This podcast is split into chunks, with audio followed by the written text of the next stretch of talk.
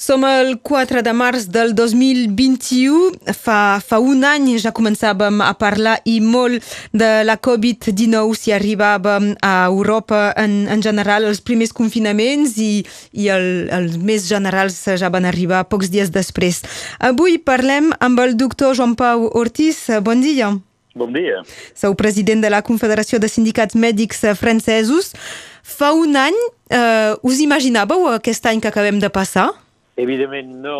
Tothom al començament d'aquesta Covid eh, pensava que tindríem pues, un, un episodi de, com si fos una grip eh, una mica més greu i, evidentment, eh, hem anat passant els dies aprenent sobre aquesta epidèmia i el que hem dit fa un any, a cap d'un mes o dos, eh, hem tingut que viure exactament l'invers. Vull dir que tenim que tots els metges, tots els uh, personals sanitaris, eh, tenim, mm, tenim que tenir una actitud de molta, molta, molta humilitud amb aquesta epidèmia.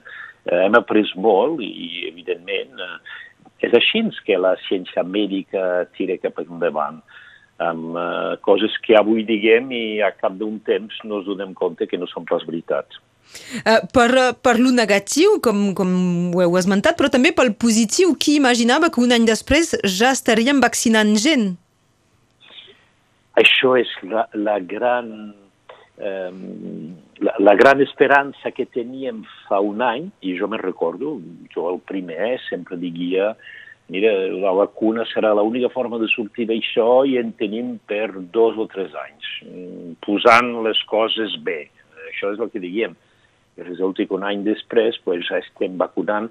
I és, un, és una extraordinària realització de la recerca mèdica i farmacèutica i també una mobilització extraordinària de la producció farmacèutica, perquè imagineu-vos el que és trobar una vacuna, eh, fer les proves, demostrar que la vacuna funciona i a partir d'allí fabricar, perquè és així que es passa, no? fabricar no mils de vacunes, milions i desenes i centenes de milions.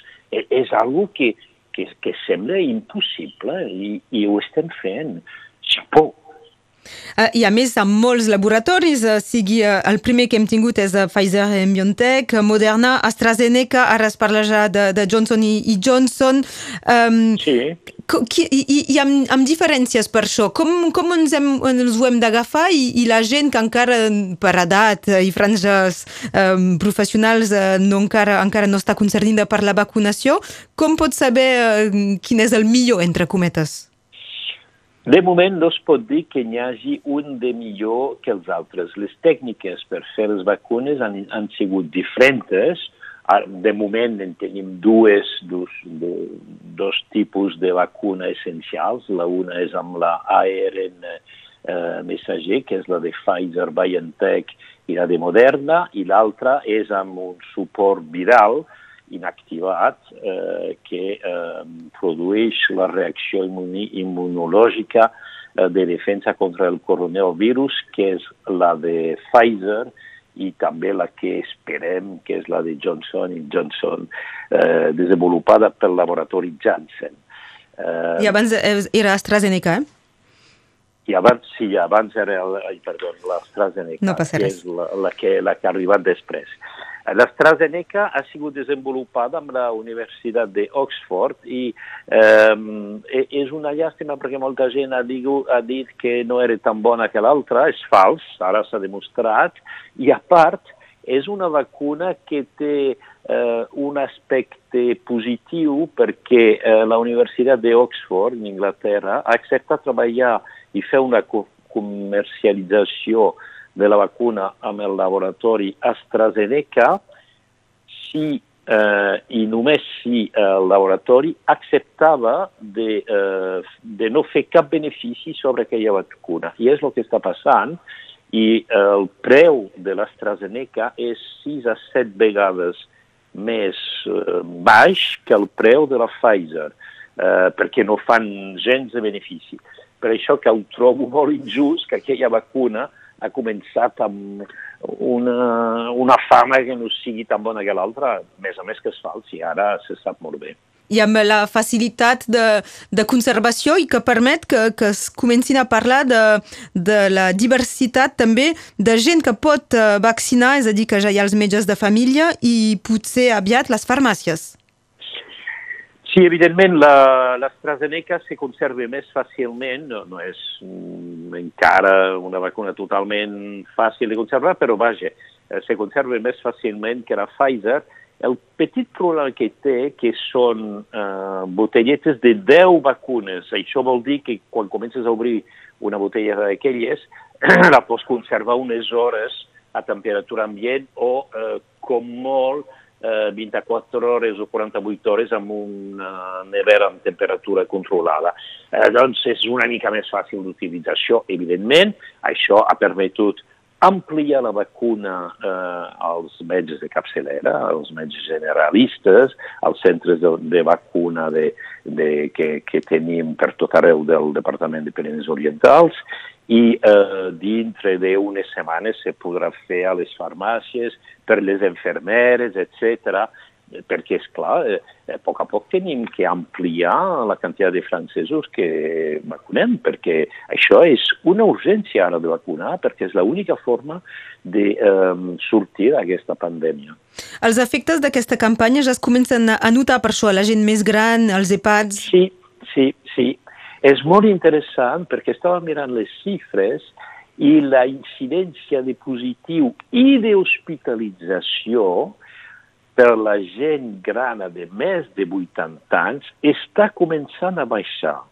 Això és molt interessant perquè sapiguem que els, cap, els casos greus i la mortalitat és molt i molt més elevada a partir de 75-80 anys. Per això que s'ha decidit prioritzar la vacuna a la gent de més de 75 anys, amb el Pfizer, Moderna, amb el primer temps. Ara s'ha s'amplit amb l'altra vacuna, l'AstraZeneca, de vacunar fins a 75 anys i tothom eh, que sigui eh, de, entre 50, eh, que tingui més de 50 anys, ara se pot eh, fer vacunar si té un factor de risc, una comorbiditat, si té una, eh, una diabetis, una hipertensió, eh, una, una insuficiència cardíaca, una insuficiència respiratòria, una insuficiència renal, etc. Tota la gent, per dir-lo d'una manera més fàcil, tota la gent que té una afecció de llarga duració, el 100% de les seguretats socials, a partir de 50 anys, tothom se pot fer vacunar al moment que parlo i això és molt i molt positiu. Uh, senyor uh, doctor Joan Pau Ortiz, um, hem parlat de vaccins. Uh, on està un, algun medicament? Perquè es parlen d'anticossos monoclonals. Això és també una, una esperança que tenim. Uh, de primer voldria dir que la forma uh, de tractar la gent que és hospitalitzada i el recurs el servei de reanimació de UCI um, i la forma de tractar la gent que són en UCI ha progressat molt. Ha progressat moltíssim. I és per això que ara eh, agafem menys gent als UCIs i eh, tenim una mica menys de mortalitat encara que hi hagi una, una incidència més forta. I és precisament per això que sembla que de moment estem evitant un tercer confinament total. Ara bé, l'esperança que tenim és aquells anticossos monoclonals. Aquells anticossos monoclonals, la indicació serà de eh, fer aquella perfusió, perquè és una perfusió única, en un lloc hospitalari. De moment només se fa a Montpellier, i esperem que dins de poc ho podem fer al centre hospitalari de, de Perpinyà, l'Hospital de Perpinyà, és una perfusió per gent molt a risc que comencen a tenir símptomes de la Covid-19. Això vol dir, a, a la mínima que una, gent, una persona molt a risc, que comença a tenir febre, que comença a tenir aquell, eh, aquells símptomes de, com si fos una grip, a més a més si perd el sentit, el gust dels aliments, etc. tot això és molt eh, evocatiu de la Covid, doncs amb això, i si és molt a risc, eh, tenim cinc dies en total entre el moment dels primers signes, fer el, fer el diagnòstic i ser segur que sigui una Covid, i té que fer la perfusió. I què és aquells anticossos monoclonals? És en realitat anticossos contra, precisament dirigits contra el coronavirus aquell, el SARS-CoV-2, i eh, va matant els, eh, eh, els virus aquells i mm, és una forma d'ajudar l'organisme del pacient, que és molt fràgil, a lluitar contra aquell coronavirus. Li, li aportem defenses que ell tot, encara no ha pogut fabricar. Uh, també um, ara hem parlat de la, dels progressos de, de la ciència un any després doncs, que ja han molt avançat en la recerca, però hi ha encara hi moltes uh, mesures sanitàries. Tenim un cobrafoc a les 6 de la tarda, uh, molts llocs de cultura tancats, els restaurants uh, tancats. Um, aquestes mesures es, que es, a vegades van endurint, penseu que s'haurien d'adaptar més a, a la situació de cada lloc? Jo tinc una, una posició a nivell estatal eh, pot ser una mica diferent, eh, inclús del, del president del govern i, i del president de la República. Jo penso que el, el que no hem fet fins ara, eh, i és una llàstima, tenim que agafar mesures a nivell de la contaminació de cada lloc. Estava mirant, per exemple, les Pirinees Orientals. Pirinees Orientals, en aquest moment, estem amb una incidència de 77 per 100.000 habitants. És molt poc. A 50 és el nivell mínim, mínim d'alarma. A nivell estatal estem a França a 222. Vol dir que nosaltres tenim una incidència. En aquest moment, eh, eh el 16 de febrer, fa 15 dies, érem a una incidència a 102. Ara estem a 77. 77 d'incidència ara. Nivell estatal francès, 222. La zona de Dunkerque i Pas-de-Calais són sobre 700-800. Vol dir que hi ha una diferència de 1 a 10 d'un departament a l'altre. Això tothom comprèn molt bé que el que es fa a Pas-de-Calais eh, no es té que fer el mateix a Pinedes Orientals, evidentment.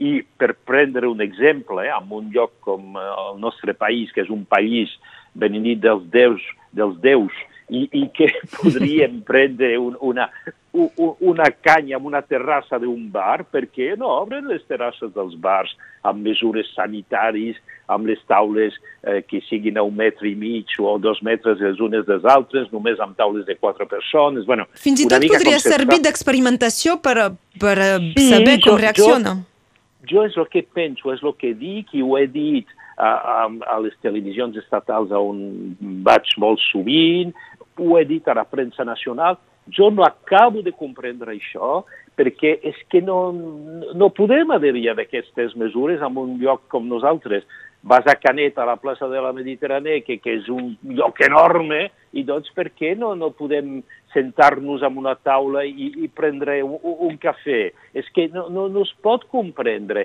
que els restaurants siguin de moment tancats a dintre o si són o, o amb unes mesures molt, molt, molt restringides, això sí que ho puc comprendre, perquè a dintre les condicions són molt diferents. Ara, a fora, amb el clima que, que tenim nosaltres... I el vent? I, la so, I el vent i la sort que tenim, pues, jo penso que això es podria fer.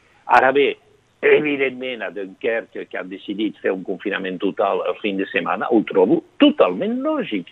Vol dir que les mesures tenen que ser totalment, totalment adaptades al, al departament i, més a més, a dintre del departament hi ha variacions. La situació, per exemple, eh, per prendre Catalunya Nord, la situació eh, de la franja de la costa és molt diferent de la situació de la Cerdanya. Eh, vull dir que tot això es té que prendre en compte... La densitat en general. Sí, la diversitat, les condicions climàtics, la, la, la demografia, la, la, la, la quantitat de gent gran que hi ha en un lloc o en l'altre, les ciutats grans no, no es pot tractar de la mateixa forma eh, que, que els pobles. Bueno, tot això es té que prendre eh, i es té que analitzar i adaptar les mesures. per què dic això i per què faig aquesta, aquest plec? Perquè jo penso que el problema que tenim ara és l'adhesió de la gent al dia a dia. Perquè tothom ara n'és fart del que està passant. Tothom diu quan, quan tornarem a trobar una vida normal. Total, tothom té aquella esperança. Però per tenir una esperança tens que veure la llum, tens que veure el final del túnel.